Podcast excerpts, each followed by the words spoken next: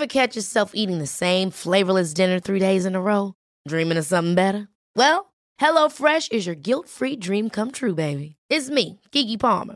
Let's wake up those taste buds with hot, juicy pecan-crusted chicken or garlic butter shrimp scampi. Mm.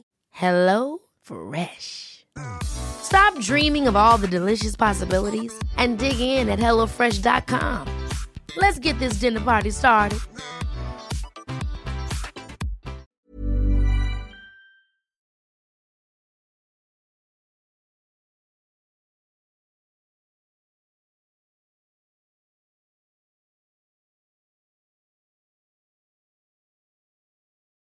Hei, alle sammen, og velkommen tilbake til podkasten Karriereveiledning med Elaine. Ved siden av meg nå, med beinet på stolen, sitter et menneske som jeg tror jeg har drømt om å introdusere dere til siden podkasten starta. Um, ofte så beskriver man jo folk med titler eller med roller, eller uh, Men her er det vanskelig å sette ord på egentlig konkret rolle, annet enn at det er en jeg har kjent i over 20 år. Eh, som har kanskje sett meg på mitt mest sårbare. Blanding av eh, Jeg bare sier det rett ut, ja, så kan jo du eh, regulere meg etterpå. Litt sånn healer, sjaman, rosenterapeut, coach, tidligere sykepleier, leder. Eh, rett og slett en som både har kjent på å måtte slippe taket, en som har hjulpet andre å slippe taket. Og det er også tema for podkasten i dag. Dette med eh, hvordan vi lagrer ting i kroppen, hvorfor vi går rundt og bærer på ting som egentlig ikke tjener oss lenger. Og hvordan vi kan slippe. Og det er jo særlig fordi dette fantastiske mennesket ved siden av meg, Kari Reinvold, eh, møter mange kropper på benken sin. Eh, og er det én ting vi snakker for lite om, så er det connection mellom body, mind, soul, og hvordan mye av det vi går og bærer på, faktisk også sitter i kroppen. Kari Reinvold, velkommen til denne podkasten. Jeg tror kanskje du er litt spent? Ja, tusen takk, Elaine. Det er litt spent. Det er jo veldig utenfor min komfortsone, for å si det rett ut. Mm. Men uh, jeg er her, så da får vi se hva som skjer du er her, og da får vi se hva som skjer. Og jeg tror noe av det første jeg har lyst til å spørre deg om, sånn som det du jobber med nå Hvis du skulle oppsummert det i noen setninger for de som lytter, hva, hva er det du egentlig driver med? Eh, jeg driver jo med kroppsbehandlinger, og som også påvirker Altså, jeg er veldig opptatt av helheten, da. Med kropp og sjel. Du kan ikke skille det. Og det jeg ser er at mange som er ikke er bevisst eh, på ting som foregår, og også det ubevisste som er veldig viktig, da. Mm. Og jeg tror nå er du inne på noe som er kjempesentralt. fordi når vi snakker om å gi slipp, da, så kan det jo være på tanker en har hatt en stund. Det kan jo være på stress i kroppen. Overbevisninger om at vi ikke er nok, om at vi er for mye, om at det ikke er plass til oss, om at vi ikke er verdifulle. Og det er som du sier, en del ting er bevisst, og noe er jo ubevisst. Men hvis du skulle, gjennom alle de årene du har jobba med det her, da, hva er det du typisk ser eh, går igjen av utfordringer eller problemstillinger? Eller hva, hva er det det er vanskelig å gi slipp på, sånn som du eh, oppfatter det. Og det er jo selvfølgelig individuelt, men vi er ganske like, vi mennesker òg. Det som jeg ofte ser, at det er mye kroppslig vondt. Smerter i kroppen. Og det setter seg litt forskjellige steder hvor vi Alle er litt forskjellige hvor eh, det kan treffe, på en måte. Men det er også hvordan du kan tilnærme deg personen du har benken eller sitter sammen med, og hvor du ser litt bakenfor det som du møter med å bare se den. da. Hvor du starter Jeg er jo veldig opptatt av føtter. Jeg driver med zoneterapi, integrativ soneterapi. Og hvor du kan møte veldig mange der som ikke er så skummelt. For mange er redd for at ting skal komme opp, og jeg vet jeg har så mye. Det er det ofte. Og hva er mye? Og hva er det for deg, på en måte, da? Og det som ofte så kommer det ikke mer enn det altså kropp og hode tillater. Ofte mellom behandlinger, da. Så mm. skjer det ting. Hmm. Så du sa noe spennende der. Altså, det kommer ikke mer enn det en kanskje tåler da, for øyeblikket, eller mm. det en kan tillate. Og hva er det som gjør, tenker du, at særlig kroppen, da, men også i livet generelt, som gjør at vi går og bærer på de tingene som på en måte ikke tjener oss, da, som at jeg ikke er nok, eller Og at det er så utfordrende å gjøre noen ting med det. Altså, har du noen gang kjent på å ha den lille styggen på ryggen, eller liksom hva tidligere, da? Hvordan har du snudd eller stått i sjøl, eller er det noe du har måttet slippe taket på i livet? Det er det jo absolutt. Eh, jeg har jo litt sånn bakgrunn som har skjedd ting fra jeg var født med litt hofteproblemer og sånn, så jeg har vært mye på sykehus og vært mye alene og vært redd. Så jeg må alltid ha kontrollen på de, altså litt rundt. Og at jeg liksom må klare meg selv på mange vis, da.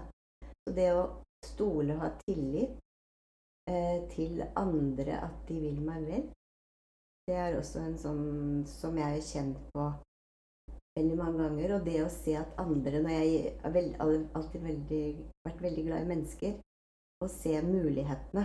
Og det er vel kanskje det jeg har gjort veldig mange ganger. Å Se mulighetene når det kanskje ser litt mørkere ut. Men jeg har også hatt en veldig fin familie, på en måte, da, som har eh, vært der eh, hele tiden. Det er jo mm. litt forskjell hva man har med seg. Selv om man har med seg ting som man har stått i, og som man føler eh, kanskje er litt urettferdig innimellom, så er det jo Man lærer seg jo mønsteret for å bli sett og ikke bli sett. Mm. Og hva skal jeg gjøre best mulig? Så jeg kan ta et eksempel. da. Da når jeg var ti, så ble jeg operert i hoftene mine og lå på sykehus. Og da var du alene, du fikk jo ikke være med som forelder, og du lå altså ti stykker i et uh, rom. Og for å få oppmerksomheten da, så vil du jo ikke gråte. Ikke sant? For det, da får du ikke oppmerksomhet. Du vil ikke ha sånne sutrebarn. Da fikk du liksom ikke oppmerksomheten av de eh, som jobbet da på sykehuset. Så den delen der Så du lærte deg Du liksom ser og tilpasser deg. Å tilpasse seg andre eller omgivelsene, så du kan få oppmerksomhet, eller gjemme deg. Det spørs jo litt hva du ja, tenker er best akkurat der og da. Mm. Så den delen der, det, det har jeg sett tilbake på, da hva kanskje som har forma meg i enkelte situasjoner. Mm. Du, jeg tror du er inne på noe som er så viktig nå. Den forrige episoden jeg lagde, handla jo om eh, hvem sender du egentlig på jobben? Altså sånn, Sender du ut avataren din? Den som tilpasser seg, den som presterer, den som ikke setter grenser. Og så er det den som belønnes av det avataren din som får eh, ros. Og så kommer du hjem, og så føler du egentlig bare sånn tom og mislykka og sliten. Og det er egentlig ingen som har sett deg. Og jeg tror det du er inne på nå, da, og særlig har vært, vi kjenner hverandre godt, da, men når jeg ligger på benken eh, hos deg, og noe av det med den rosenterapien nå, som du har sagt, handler om det å bli berørt uten å gi noe tilbake. Og jeg tror, Kan ikke du snakke litt om hvorfor det er viktig, særlig eh, i jobb, da, hvis en kollega gjør noe ja, 'Takk, ja, du, du, du, skal få igjen.' Eller 'Kan ikke du hjelpe meg å flytte?' 'Du, jeg kan komme og hjelpe.' Vi er så kjappe på å Istedenfor å si takk for komplimentet, hvile i det vi mottar, så skal vi umiddelbart ta på tilbakelys. 'Jeg elsker deg òg'. Eh, eh, jeg, jeg, jeg, kan hjelpe deg òg. Hva, hva, handler det om, og hvordan går det an å slippe det på benken din? Det er jo litt om det å Altså, når man skal ta imot noe, så er det veldig lett å sette at da må du kreve noe tilbake, eller tenker at da må jeg gi noe tilbake, da. Og det Når folk kommer til meg, eller med, på benken, så er det gjerne litt sånn øh, øh, Ja, liksom, hva skal skje? Hva må jeg liksom gjøre? Jeg ser på en måte kroppen. Du kan jo lese kroppen, og når du tar på kroppen med hendene dine og er til stede og ser personen Altså, du leser kroppen. Hodet det er der hele tiden. Det er veldig lett å være i hodet. Mm. Men den der, det, altså, det er din tid. Jeg er her med det jeg er. Og for å, altså, kanskje jeg kan hjelpe deg med bevisstgjøring når jeg ser kroppen din. Du sier ord, men så viser kroppen noe annet. Og når jeg da tar på kroppens steder som jeg tenker Her kjenner jeg ut ifra det jeg ser, og det er altså, intuisjon. Man bruker jo uten at man skal tenke. Det er ikke noe system. Og det er viktig hvis man er i systemet. Ja, ta der, for det er sikkert der eller der. Da, da skjer det ikke noe, men du må være til stede selv, da. Mm. Og da kan du på en måte få den magiske eh, møtet. Som jeg kan si et møte med den med hendene. Mm. Og med den personen så hodet er litt til side. Det blir en connection mellom hode og kropp. Og det er der det mye ligger, for hodet forteller deg én ting. Og der er vi på hele tiden. Så der, det er ikke noe problem.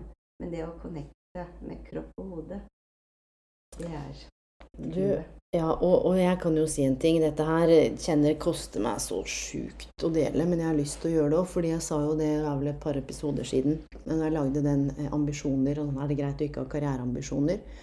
Eh, og så nevnte jeg det at jeg hadde bestemt meg for å begynne å snakke med en, en psykolog. Eh, nettopp pga. Altså, fødselstraumer. Jeg tror jeg, det kjennes så rart ut å kalle det, det, for jeg føler meg fin, men jeg veit at eh, det, det, er noe Aksel Inge Sinding, han psykologen som jeg hadde på podkasten, sa jo det når fortiden dukker opp i nåtiden, så er det greit å bare check it out. Og jeg går ikke rundt og tenker mye på det, men det er akkurat som om det at jeg holdt på å dø, Aiden holdt på å dø, alt som skjedde liksom halvåret etterpå Det er akkurat som om det er, det er låst ned i et sånt, et sånt hvelv, på en måte. Jeg vil ikke inn der.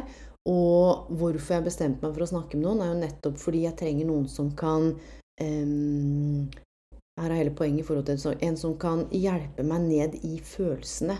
Jeg kan tenke om det, jeg kan snakke om det. Men du veit, Kari, jeg kan tenke om det, og det er det mange som kjenner seg igjen i. Vi kan snakke om ting som plager oss fra et kognitivt sted. Men det betyr ikke at vi føler det. Jeg vet ikke hvor mange ganger nå, fødselen, så er jeg liksom, ja, så har jeg fortalt det kognitivt, men det er sjelden jeg har følt det. Og nå blir jeg tvunget til å føle det. Jeg tror det er litt av det du beskriver nå. Når hodet blir lagt til side, og en kommer inn i følelsene, så blir det så tydelig hva en ikke har sluppet. Eller hva en trenger å slippe. Men det er vanskeligere å få til fra et mentalsted. Fordi mye av det som den hjernen går og forteller oss, den indre dialogen, det er så mye der som ikke er sant. Det er så mye løgner. Sant? Ego, overbevisningene 'Du er ikke nok', 'Ja, men dette går fint', 'Ja, men ikke tenk på det', 'Det var bare en sleivete kommentar'. Nei da. Men det der å stoppe opp og tenke sånn Hva får det meg til å føle? Og vil du si at du alltid har vært en, en som føler, eller har du liksom vært mest oppi hodet eller kroppen? Å, jeg føler veldig mye, men jeg også veldig tenker. Altså Det må jeg si. Men jeg føler også. Eh, så litt kombinasjoner. Mm. Men det jeg har tenkt altså etter hvert som man blir litt mer voksen, da, så aksepter, det å akseptere og bli, si, bli ferdig med en ting på en måte, men ha det med seg, så man kan leve videre og ha det bra. Mm. Altså, og hvorfor er det, er det noen som kanskje kan klare det bedre enn andre innimellom? Hva er det som kan hjelpe hver og en mm. hvor de er, da?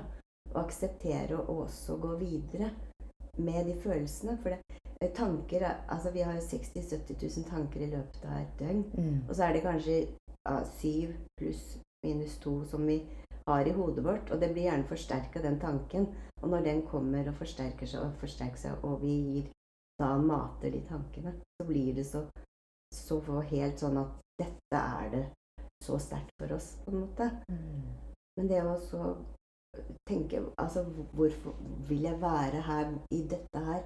Gå inn i det og kjenne på de følelsene at det er faktisk vondt. Når noe brister av, ut av kroppen, så gjør det vondt. Både kroppslig og altså sånn mentalt og følelsesmessig, da. Mm. Det er det i hvert fall jeg har kjent mm. Og jeg tror du er inne på noe sinnssykt viktig òg, men det koster hvis du ser på det samfunnet vi lever i, da, med litt sånn bigger, stronger, faster, fet jobb, masse penger, håndtere på flere arenaer, vellykka, fasade utad, ikke sant. Vi snakker om mental helse, åpenhet, bla, bla, bla. Du, det er mange som kjenner på svakhet, på skam, på det å være sykemeldt. Du, alle de tingene her. Folk lurer på å ja, Berit er sykemeldt, men jeg ser hun er på trening. Det er ikke noe gærent med hun i hvert fall. Eller herregud, se på henne som ikke klarte å håndtere liksom to barn og en deltidsjobb. Come on. Du, det er alle de tingene her, eller den som hoppa av studiet. All den skammen mange av oss går og kjenner på. Og jeg har lyst til å liksom si noen ting om det du sier der med eh, dette må være i tankene, og det er jo ikke noe galt i det, men jeg tror det er det å, å stoppe opp og bli bevisst. Og hvordan kan liksom gå inn i det? For det for meg å gå inn i det fødselsgreiene her, det er jo en prosess som jeg egentlig, helt ærlig, drit og dra. Du, jeg har det helt fint, jeg. Men det er akkurat som om inni meg, Kari, så er det en sånn knowing. Det er sånn Hvis jeg synker ned i meg sjøl de gangene jeg gjør det eller tør det, så er det akkurat som det er den lille stemmen som veit at dette må jeg gjøre. Mens hjernen min er sånn Herregud, slapp av, en traume. Hva er det du snakker om? Se hvor privilegert du er, da. Du er oppvokst her, foreldrene dine er i livet, du har en frisk sønn, du har venner.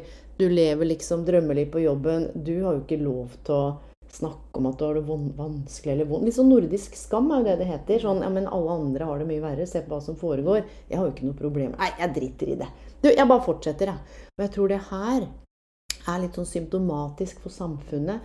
Vi bare bytter jobb, eller bare blir i jobben, eller holder ut. Og vi tør ikke stoppe opp og kjenne etter. Og det er jo det som skjer på benken din.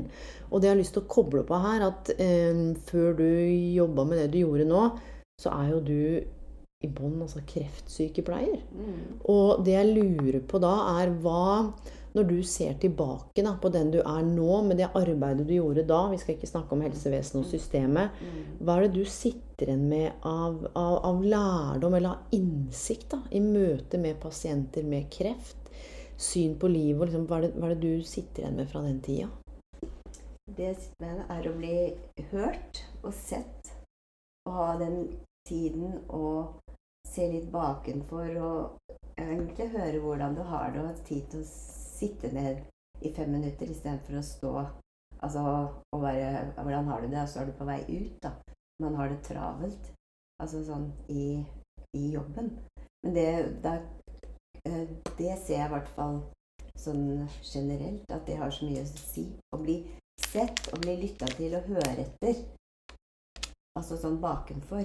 Mm. Det er det, det, viktigste for Det er et system, og noen ganger Og særlig nå er det jo blitt enda Altså noen år siden jeg jobba som sykepleier. Men nå har det jo blitt enda mer, og det blir veldig som man sier det er så mye å gjøre, det er så mye å gjøre, og det er det. Snakk om å mate hjernen. Forsterke. Så man har jo det også. Men er det noe annet man kan se litt annerledes på? Så man kan ta den tiden hos pasienten. Kanskje den hadde sluppet litt av smertene, litt av alle de medisinene man får for smerter, som man liksom føler å bli enda tatt vare på, da. Mm. Enn om de, de, gjør det. Altså, jeg har jo veldig mange i familien min er sykepleiere. Det mm. ser jo forskjellen, og de Altså, man gjør så godt man kan ut fra det man har. Mm. Men jeg ser den delen der, at det å se personer De som kommer til meg, da, har vært i helsevesenet, så har det ikke blitt Altså, det de sier Det kan forstå at det er sånn, men så får de bare pukke at ja, ja, men sånn og sånn og sånn. Så blir de ikke møtt på det de sier. Mm. Man får bli møtt, da. Og så får de kanskje en mer Altså sånn litt avslappa forhold til det som skjer også. Og får pusta i det og ikke blir så redde for frykten. Mm. Det er så mye mm. frykt. Ja, og når du sier det, da, apropos det å bli møtt og det å bli sett Og jeg kan i hvert fall si det, du, ikke, du trenger ikke si noen ting, men jeg har vært inne og jobbet i helsevesenet og skrevet en artikkel 'Hvorfor går du på jobb når du burde blitt hjemme?' Hvor det viser at 90% i visse helsesektorer går på jobb nettopp fordi de er frykt for sanksjoner. ikke sant? Kanskje de er ute av loopen eller blir eh, straffa på noe vis, og nå får ikke du være med på det eller ordne det eller mister kanskje det prosjektet. Eh, nummer to, eh, moralsk press. Det er sånn du er vel ikke syk nok. Du har litt diaré eller spy bare bitte litt, eller du snufser, men kom igjen, da. Sjuk, da er du liksom helt slått ut. Og det tredje handler jo om eh, den uunnværligheten. Eh, jeg må på jobb, for det er ikke noen vikarer, tenkte alle pasientene. Og det som er litt av poenget, og det som har gått igjen, er jo det systemiske, som vi er inne på nå. For lite tid, ikke sant, ressurser. Men så sier du noe helt essensielt her, og det er den holdningen til det en står i. En har jo alltid et valg. Og jeg tror det er ofte det at en, kanskje en elsker det en går inn i, mennesker, omsorgen, men så møter du systemet, da. Apropos karrierehelse. ikke sant? Hvem blir du i møte med rammene? Men det å begynne å legge merke til, og det er en sånn key takeaway Hva er det du sier til deg sjøl om det du står i? Og dette er jo fra nevrovitenskapen også. Hvordan eh, nevronene eh, De sier altså 'neurons that fire together, wire together'. Så jo mer du går og sier at det er for mye å gjøre, du, jo mer kaos og for mye blir det å gjøre. Og det betyr jo ikke at man ikke skal forholde seg til at det er realiteten. Vi er jo ikke noe sånn derre Nei da, her er det ingenting å gjøre. Her kan du bare flyte med. Nei, nei. Men det å legge merke til hvordan du forholder deg til det som foregår i den konteksten, og hvem du blir. Og det var jo gjort et eh, forskningsprosjekt, dette har jeg snakka om før òg, men bare kort i USA, hvor de så på vaskepersonell på sykehus, hvor den ene gruppa hata jobben sin, drittjobben å vaske. Den andre elska jobben sin. Og så gjorde de en undersøkelse, da, hadde samme vakter, samme team.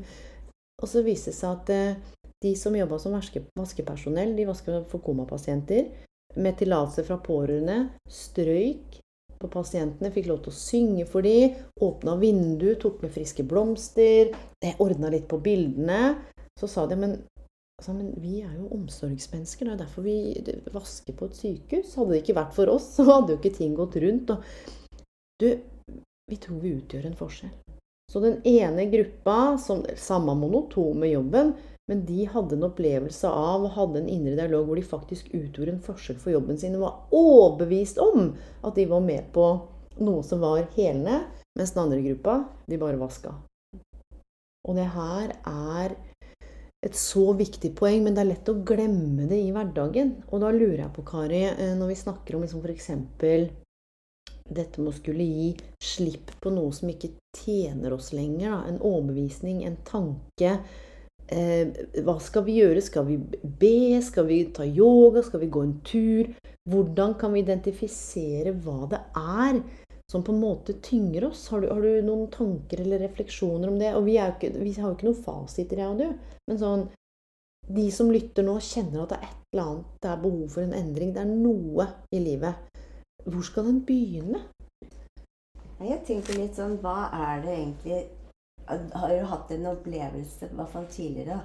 Hva er det du, som gjør deg godt, da? Er det én ting du kan finne liksom, som du kjente at Å, den lille, lille Å, det her ble jeg så glad av. Kan du gjenkjenne det og bruke det i andre eh, steder hvor du kjenner at nå er du nede her Er det helt Altså, du er liksom i det litt hamsterhjulet. Er det noe du liksom Gå i deg selv. Altså, hva, hvor er jeg hen? Hva skjer nå? Du må ta, ta deg altså, ta deg noe på en måte gode pust, og så setter jeg deg ned noen ganger og stopper opp. Mm. Hvor er jeg hen? Mm. Mm. Egentlig. Er det noe liksom type spørsmål, da? For jeg tror jeg har veldig tro på at de gode, åpne spørsmålene Det å kunne undre seg over Og jeg tror ofte der hvor en skal sette i gang med litt sånn gi slipp-arbeid, da, så er en så redd for hva som skal dukke opp. Og det lurer jeg også på, Kari, sånn på benken der, eller med deg, eller med livet. Hva er det som gjør at det kan være så skummelt å møte frykten, eller at, at trollet ser lyset? Er det ikke bedre at det er undertrykt, og at vi nummer med å jobbe for mye, høre på 17 podkaster, løpe, trene og bare hva, hva, Hvorfor oppleves det så skummelt for mange å stoppe opp, puste og reflektere? For alle veit jo at det er lurt, det er bare veldig få som gjør det tror kanskje kan være det at det du har, som du vet ikke er bra for deg, men du er i det, så det vet du på en måte er litt trygt. Men samtidig så er det jo ikke godt. Og det, altså kropp og hode er, vil jo gjerne tilbake der det har vært, for det, det er noe du kjenner, og som ikke er så skummelt, men som ikke er bra. Og hvis du skal ut av den altså litt sånn altså det komfortsonen som ikke er god også, så er det liksom et nytt skal, Hvem skal jeg være i livet da? I forhold til andre. I forhold til det at kanskje andre utad ser meg, men ikke minst hvem er jeg? Der tror jeg det kan ligge litt, da. Kan kjenne meg igjen på det, i hvert fall. Du, og det her tenker jeg er ekstremt viktig, fordi vi gjør jo ingenting uten at det gir oss noe. Liksom, når man begynte å røyke før, så er det jo ikke fordi at du visste at det var lurt, men intensjonen var jo god, det var sosialt forsterkende. Og mange av de mønstrene vi bærer med oss på jobb eller livet, er jo type forsvarsverk eller coping mechanisms, strategier vi har utvikla, som vi snakka om innledningsvis, for å bli likt, eh, for å ikke ta på ansikt, for å slippe å kjenne på skam, for å slippe å bli såra. Og mange av oss har så mye lag. da, vi, Mange av oss ser at jeg har hatt det sjøl. Det er jo derfor jeg er så fascinert av de tingene. Og jeg har sett det i så mange i så mange år også. Det er jo derfor den episoden med Avatar, men jeg tror du er inne på noe som er kjernen i det derre fra eh, sykepleien. Det å virkelig møte andre og hva det kan bety, som er den første key takeaway. Og nummer to eh, vi gjør ingenting uten at det gir oss noe. Den identiteten jeg har på at jeg er en som sliter med å sove, eller jeg er en som eh, bare løper fra det ene til det andre, eller jeg er en som aldri puster fordi Vi lager oss jo narrativer om hvem vi er. Trøbbelet er jo at mange av de historiene og narrativene er jo ikke sanne. Og det er jo det her, ikke sant. Jeg er en som ikke kan være syk, eller jeg er en som uh, ikke er verdt å elske, eller jeg er en som ikke mestrer høyere utdanning. Og det er det der Det å stoppe opp og titte på det og finne ut av sånn Oi, de siste 20 årene så har jeg levd en løgn. Jeg kan faktisk være en som kan mestre høyere utdanning, eller jeg kan være en som kan mestre jobb, men tenk deg hvis jeg begynner å tro på det og ikke får det til, hva skjer da? Det er jo bare beviset da, på at jeg egentlig er totalt ubrukelig. Så det du sier der, og ofte når jeg jobber med mennesker som, hvor vi skal gi slipp, da, så er det sånn Ja, men hvem blir du da? Som du sier. Hvem Se for deg at du er en, en runding da, som er 100% og så er kanskje 60% av deg alt det skvalderet og det vi snakker om nå, så sitter du igjen med 40% av den du virkelig er.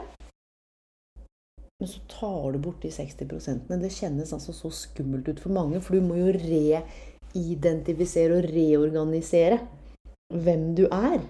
Og har du kjent på det, Karin, nå, med fare for å bli litt sånn spirituell, snakke litt om sånn death or rebirth, altså hvor du har måttet gi slipp på deler av den du var, for å bli den du er i dag? Ja, det har jeg jo. og men eh, jeg tenker eh, Jeg har jo en mamma som ble dement. Eh, og som jeg var veldig nær til. Og det, det å Holdt jeg på å si Etter hvert gi slipp For du mista jo henne etter hvert. Og det å gi slipp på de der følelsene at jeg aldri på en måte skal ha mamma der lenger. Altså, hva gjør jeg? Skal stå i den delen der? Det høres kanskje litt, uh, litt sånn rart ut, men hun har vært med meg så mye jeg har vært veldig mye på sykehus selv. Og den delen har alltid vært uh, så støttende. Og da har jeg kjent Når hun døde, da, så var jeg der. Og da Altså, det er jo andre ting, men det skjedde så veldig stort, for da satt jeg oppe altså hodet hennes, og hele kroppen hennes fysisk gjorde så store bevegelser. Og det var ganske sånn der, og da kjente jeg liksom Jeg hadde passa på å snakke om litt sånn Ikke stenge Jeg tenker jo sjelen inne. Ha vinduer altså åpne så alt ikke var lukka. Og da kjente jeg på en måte den delen der Ok, da fikk jeg en sånn indre styrke som jeg ikke har hatt. Så da på en måte følte jeg ga slipp på Du trenger ikke å være redd for noe. Du trenger ikke å altså, frykte så mye. Jeg vet ikke akkurat hva den frykten var, men liksom at jeg ble så sterk å stå i meg selv, da. Mm. Så det var kanskje den der Men jeg husker aller, aller best, for det er jo ikke så lenge siden. Og liksom tørre å bare si ifra, samtidig som å se folk, da. Mm. For den de er. Men uh, du er jo et menneske, så du er jo ute og inne av ting mm. hele tiden. Ja, jeg tror du snakker om noe, noe viktig der, og særlig med de menneskene som vi bryr oss om eller er nære. Og um, vi kjenner hverandre godt sånn i forhold til den prosessen med moren din nå. Du var jo veldig flink. Flink, jeg liker ikke det ordet. La oss begynne på nytt. Eh, du valgte å være mye til stede, og du hadde anledning. Dere hadde masse gode stunder, og selv om du er jo 60 nå, selv om han er 60 eller 30, så er det noe rart å skulle miste en mor, selv om det er veldig naturlig. Jeg tenker ofte på det, liksom sorgen over at Jeg så Aiden og pappa sammen i går, skal bare si det. Tok et bilde av dem hvor de står og holder rundt hverandre, liksom mot, eller kinn mot kinn, og ser på noe. Og det er liksom en på snart 86 og en på 5, og den ene skal jo straks forlate verden. Og det er sånn Oi. Livet It ebbs and flows. Noe kommer, noe går. Og Det er akkurat som vi bruker så mye tid, Kari, mange av oss, på å bekymre oss. Hvorfor gjør vi det, tror du? Hva, hva Det er jo hva? En eller annen gang skal vi jo kanskje forsvinne herfra. Ja, det eneste vi vet når vi blir født, er jo at vi skal dø en gang. Mm. Og imellom der, hva gjør vi da? Vi vet aldri. Noen blir syke, Mm. noen eh, altså, altså blir drept. Mm. Noen dør i ulykker altså alt, i alle aldre, da. Mm. Men jeg tenker hva, Og der tenker jeg, hva fyller vi livet imellom der? For det er det å Går man og tenker på at man skal dø, eller sånn hele tiden, da får man ikke levd. Nei, og jeg tror det er akkurat det. Så til deg som lytter, da, som kanskje kjenner på Skal jeg bli i jobben? Skal jeg bytte jobben? Skal jeg bli i forhold? Skal jeg forlate forhold? Det er et eller annet en sånn Det jeg tror jeg kan best beskrive det som en sånn slags litt indre uro. Som veldig mange går og bærer på nå. Så er det jo klart at herregud, se på verden og noe av det Jeg håper en eller annen forbanna Nå skal ikke jeg si forbanna, men journalist Nå vet jeg at det også er systemisk. Fra VG eller Dagbladet. Hvordan nyheten har blitt nå. Sånn derre eh, Fireåring slått ned. Eh, NB sterke scener. Og så blir du tvunget, fordi du blar deg nedover, til å se at en mann slår ned en fire... Skjønner du? Du får ikke sjanse til å velge det engang. Før så kunne du opt in. Og hvordan eh, Nå, ikke sant, så er det sånne boomerangs, eller alt er i video, så du kommer ikke unna. Kan selvfølgelig ikke se på nyhetene, du er sjelden. Så tenker jeg sånn Ok, vi skal ha klikk, og vi skal selge, og det er annonser, og Hva faen er det som foregår i verden? Hvis Aiden går inn på VG om ti år 70% er bare bullshit-nyheter. Og det er om å gjøre å få fram så mest mulig faenskap som overhodet mulig. Og skittig journalistikk en del steder. Og det, noe, det provoserer meg helt enormt, fordi når 1,3 millioner mennesker leser disse avisene her, det er det du våkner opp med. Rapporter viser at ok, hvis du leser nyheter på morgenen og gjennom dagen, så rapporterte om en sånn mellom 10 til 30% vanskeligere dag. Ikke sant? Og en skal jo få med seg ting som skjer i samfunnet og har lyst til å bidra, med. kom igjen, da. Tenk deg hvor mye fint og godt som også fins i verden, Kari. Og det er det ene livet her. Og samtidig så er det litt den, den derre uroen. Den derre Er jeg nok? Er det plass til meg? Hva skal jeg bli? Hva kan vi gjøre, Kari? Du sa det. Stoppe opp. Ta noen dype pust. Hvordan veit vi, og dette her er et spørsmål til deg som jeg ikke veit om du kan svare på engang, men det er en sånn refleksjon Hvordan veit vi at vi bærer med oss uro eller stress i kroppen? Hva er sånn topp fire tegn på det? Å, det var et spørsmål som jeg Ja, det var utfordring. Ja. Men det tenker jeg det å være på sosiale medier Altså legge bort den innimellom. Det tror jeg i hvert fall det skaper mye uro også. Å bruke det altså sånn fornuftig. Mm. Det er et bra hjelpemiddel, men også veldig, kan skape veldig mye å ikke være bra nok og finne alt det som ikke er bra. Mm. Og hvordan kan, hvordan kan man kjenne det? Altså, kan det sette seg i kroppen? Altså hvordan Ja, absolutt. ja. Absolutt. Og, og det å gjøre forandringer. Altså man øh, fikser på utseendet, ikke minst. Altså sånn Få tro det blir bedre, på en måte. Her må jeg si en ting, Kari. Jeg ser meg selv i speilet nå, blitt 40, siste to-tre åra etter fødselen, siste fem åra, så føler jeg at jeg har blitt 15 år eldre i ansiktet. Jeg skal bare si det. Eh, av og til så går jeg og tenker på om jeg burde ta Botox i panna.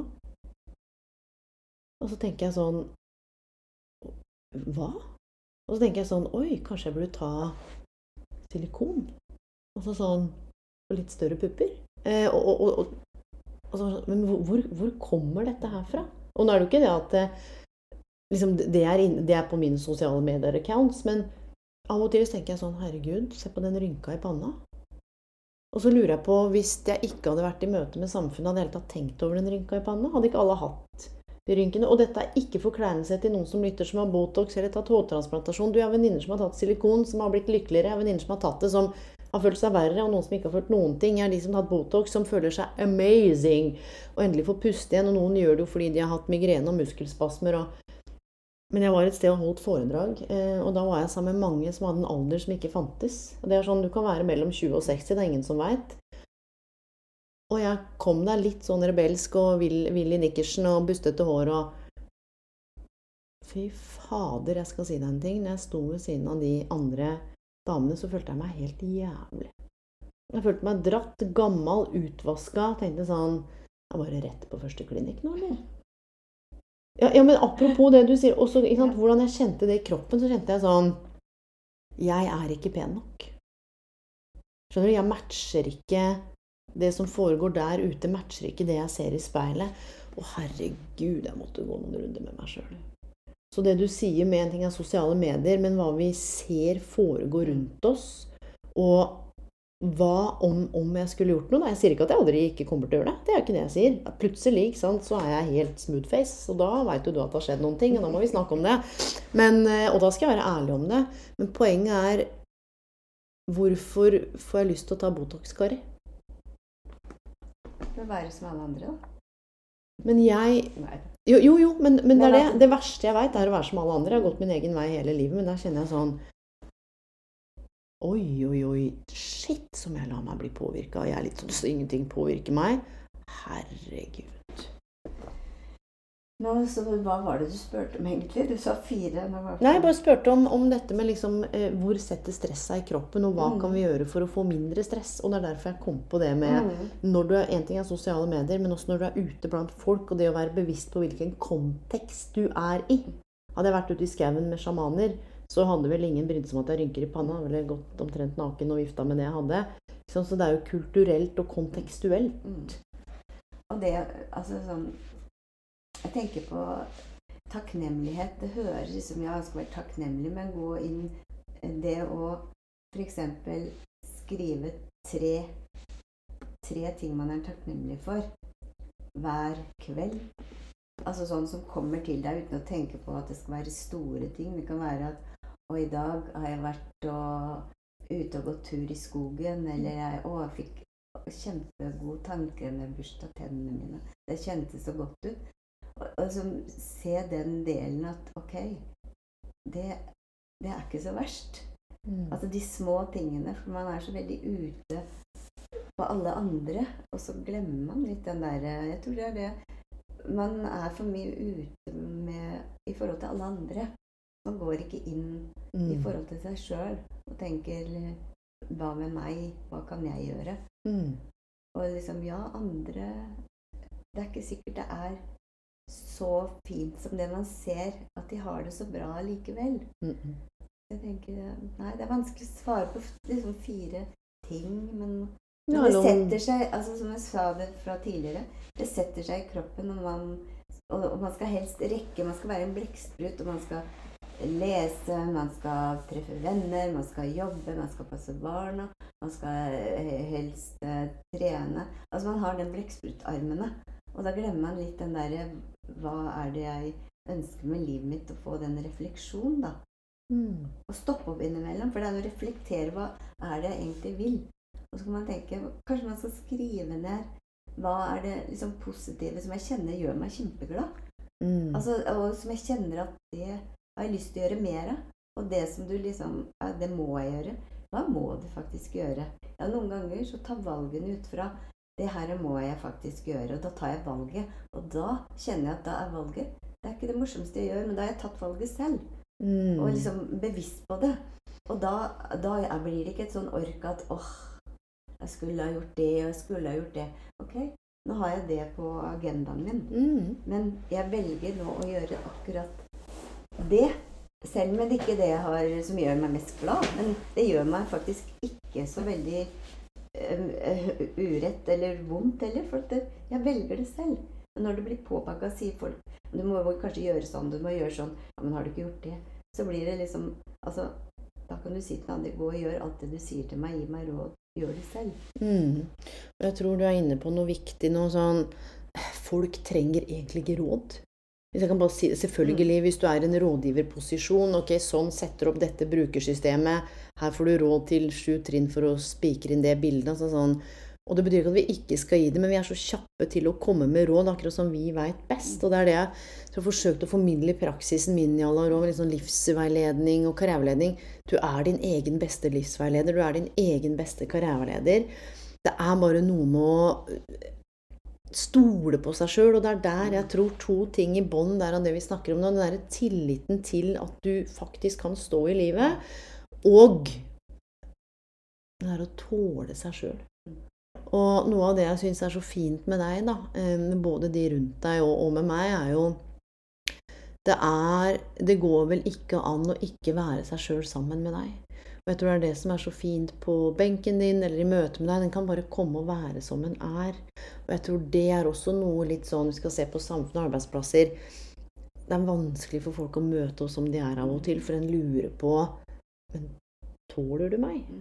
Og du er jo også eh, utdanna coach. altså Du har jo en del andre ting du gjør. I tillegg til sant, rosenterapien, så er det noe med dialogen, det å se det hele mennesket du er jo helt fantastisk god med å lage forskjellig mat. Du blander jo oljer. Det er en sånn slags rød tråd i alt det du gjør. Og så er jeg nysgjerrig på hva vil du si er den røde tråden mellom menneskemøtene, kroppen, maten du spiser, oljene du blander, praksisen din, da? Hva, hva vil du si er liksom det som er samlende? Eh, for det første er det å lytte som jeg har sagt før, lytte og høre og se den som kommer. Mm. Og samtidig som eh, Det er veldig lett å falle i å ville gi råd. For man tenker at den andre at det er veldig fint. Men det å stille spørsmål, da hva, hva den andre tenker, for den har egentlig svaret selv. Uansett hva man tror man har eller ikke. Så med å spørre litt Hva tenker du? Jeg spør gjerne hva liker du? Hva gjør deg godt, og hva kan du gjøre mer av? Så det, stille de spørsmålene litt, da. Mm. Og samtidig i forhold til mange sier med mat og ikke tåle det og ja, også, Men hvordan Altså spørre litt hva de gjør. Er det noe annet Er det noe annet som kan inspirere deg? For det hjelper ikke hva jeg sier den skal gjøre, hvis ikke det kommer fra innsiden den selv. Da blir det ikke gjort. Det er som å gå Da jeg jobber som eh, PT treningsveileder, da så var det veldig mange som kom i januar, ikke sant, som mm. man vet. Og liksom så spurte jeg liksom Ja, hva, er det noe du liker bra, eller er, hva, hva tenker du, liksom? Og da, nei, jeg har egentlig ikke lyst til å være her, men jeg må. Mm. Og så ja, men hva liker du egentlig? Er det noe du liker i aktivitet, eller Så jeg prøvde å få fram det. Og hvis, altså, hvis ikke du liker det og lager det at det kanskje blir bra, så, så faller du ut. For det kommer ikke fra at du må gjøre det for at ja, jeg skulle jo ha gjort det, skulle jo, men hva annet kan du gjøre? Du, du, må ville det så fra innsiden. Mm. Det er der det sitter hele Altså, du må bestemme deg. Er det virkelig det jeg vil? Er det som jeg vil ha, og hva er intensjonen? Altså, er intensjonen din altså, den, å bli slankere, bli sterkere, eller altså Men det å skikkelig ville det og føle den Føle deg vel og god at når du går ut derifra. Og ikke bli sånn 'Å nei, i morgen må jeg trene igjen', eller Altså, det er et mm. eksempel som alle kjenner veldig mye på, kan jeg tenke meg, da. Mm. Jeg tror sånn avslutningsvis, da, fordi nå har vi faktisk snakka i snart tre kvarter, Kari. Du som egentlig sa at dette var ute av komfortsonen, og hva skal du bidra med? Altså er det, Jeg vet ikke om ett menneske i verden jeg som har mer å bidra med til menneskeheten enn deg. Eh, og det er jo fint at du er ydmyk, men jeg mener det. Og det tror jeg alle som kjenner meg, kjenner deg igjennom meg. Eh, fordi ja, you're freaking eh, Ja, den, en, mean, You're enlightened, Kari, på en sånn egen måte. Og jeg tror noe av det du sier der Jeg så et sitat fra Opera. When you get clear about what you want, everything clears up. Så hva er det du som lytter egentlig vil, og ikke fordi at noen andre egentlig vil det. Fordi vi blander litt hvem vi er, hvem sine karrieremål og drømmer, livsmål og drømmer. Vil du ha barn? Vil du ikke ha barn? Kan du få barn? Kan du ikke få barn? Vil du ha en jobb? Altså, vil du ha en karriere? Vil du ha et kall? Vil du gjøre noe frivillig? Vil du ikke gjøre noe frivillig? Hva er det som er ditt? Og det er der jeg tror vi finner det unike fotavtrykket vårt. da. Når vi tør å ja, ok, resten av flokken hopper over gjerdet og løper av gårde, og det er ikke work-life balance, og det er dundre på, så blir du sånn Jeg lurer ikke på om jeg kanskje ikke skal hoppe over det gjerdet. Kanskje jeg skal ah, Vent litt nå. Og begynne å virkelig gjøre en sånn inventory. Og det er ikke noe en bare gjør på en dag. Dette er ting en kan notere ned, reflektere over. Og Kari, til de som lytter lytter, hvor kan vi finne ut av mer om deg? Er det karireinvold.no? Mm. Karireinvold.no. Du tilbyr jo eh, behandlinger. Det må jeg si. Jeg har jo vært på ulike behandlinger. Det er måten du jobber på, hvor det knitrer i hendene dine når du treffer sånne punkter hvor det er sånn Oi, her var det noe. Så kan jeg si ja, der, ja. Mm. Det, det tvinger en til å lande i noe i seg sjøl. Det er noe sånn slags forløsende ved det uten å skulle gi noe tilbake. Da. Den måten du jobber på med den pinnen din. Ja, gud veit hva. Pinner, folkens. Og det lukter, og det er helt nydelig. Deilige oljer du blander sjøl. Karireinvoll.no. Der kan en liksom bestille tim. Er det noen andre steder vi, vi kan finne deg? Du er vel ikke så mye på sosseren? Du driver ikke og legger ut og ser på meg og Nei, Nei. ikke så veldig mye. Nei. De som kommer, de kommer. De som kommer, de kommer. Og Ja. Helt avslutningsvis nå til alle de som lytter. Det er unge, gamle, eh, alt mellom 16 og liksom 70 år. Hvis du skulle dele ikke et råd, men en refleksjon, en livserfaring Jeg har vært innom mye. Hva, hva er det du ønsker at de skal sitte igjen med nå, hvor du tenker sånn åh, hadde jeg visst dette her når jeg var 20, eller åh, hadde jeg bare skjønt det her litt før, eller og dette her er det jeg ønsker eh, for de menneskene som finnes, da. Å ja. Det å altså være seg selv, da. Selv om man ikke vet være seg selv, men det å tørre å å si nei når man mener ja. Mm. Eller si nei, altså Eller si, si ja når man mener nei. Noen ganger. For det er ofte Si nei når man mener nei, og ja når man mener ja. Ja. Ja. Man er tydelig på Ja, det. Og, og stå i det, da. Man må stå i det og ta valgene. Mm. Så, mine venner, til deg som lytter, det å tørre å søke litt innover, ikke nødvendigvis bare hoppe over gjerdet, stoppe opp litt, passe på å møte deg sjøl, og ikke minst møte andre. Og når du gjør et lite dypdykk, legg merke til hvor ting sitter i kroppen. Er det skuldre, nakke, mage? Hvordan er det du puster? Hva om pusten din egentlig er et sånn slags tegn på hvordan det står til med sjela di? Sånn overfladisk og raskt, eller ah, Du er et sånn dypt og rolig, og det jo, når det dukker opp ting, øve på å stå i det. Jeg tror vi er blitt et litt sånn samfunn hvor vi skal ikke ha vondt, alle skal være så lykkelige, vi må ikke kjenne på noen ting, og nei, nei, nei, ikke sant? Vet dere hvorfor vi har følelser, dere? Følelsene våre er det beste varslingssystemet vårt. Vi er ment å føle alle følelsene våre, og det koster litt. Og Kari Reinvold finner dere på karireinvold.no. Tidenes dame anbefaler å bestille en time. Nå må du ikke få for mye å gjøre, Kari, for de vil jo gjerne komme innom, jeg òg. Eh, og hvor enn du er i verden, kjære lytter, håper denne her episoden gitt deg én ny tanke, én refleksjon. Hvor enn du er i verden, på gjenhør, takk for at du lytter. Og hvis du likte episoden, del den. Legg meg til på LinkedIn. Verden trenger deg. Og akkurat nå, før du trykker på avslutt, så ta en dyp pust. Og tenk sånn eh, Ja, jeg tror jeg skal klare å stå i det jeg står i akkurat nå. På gjenhør. Ever catch yourself eating the same flavorless dinner three days in a row? Dreaming of something better? Well, HelloFresh is your guilt free dream come true, baby. It's me, Gigi Palmer. Let's wake up those taste buds with hot, juicy pecan crusted chicken or garlic butter shrimp scampi. Mm. Hello Fresh. Stop dreaming of all the delicious possibilities and dig in at HelloFresh.com. Let's get this dinner party started. Planning for your next trip? Elevate your travel style with Quince. Quince has all the jet setting essentials you'll want for your next getaway, like European linen, premium luggage options, buttery soft Italian leather bags, and so much more. And is all priced at 50 to 80% less than similar brands. Plus, Quince only works with factories that use safe and ethical manufacturing practices. Pack your bags with high-quality essentials you'll be wearing for vacations to come with Quince. Go to quince.com slash pack for free shipping and 365-day returns.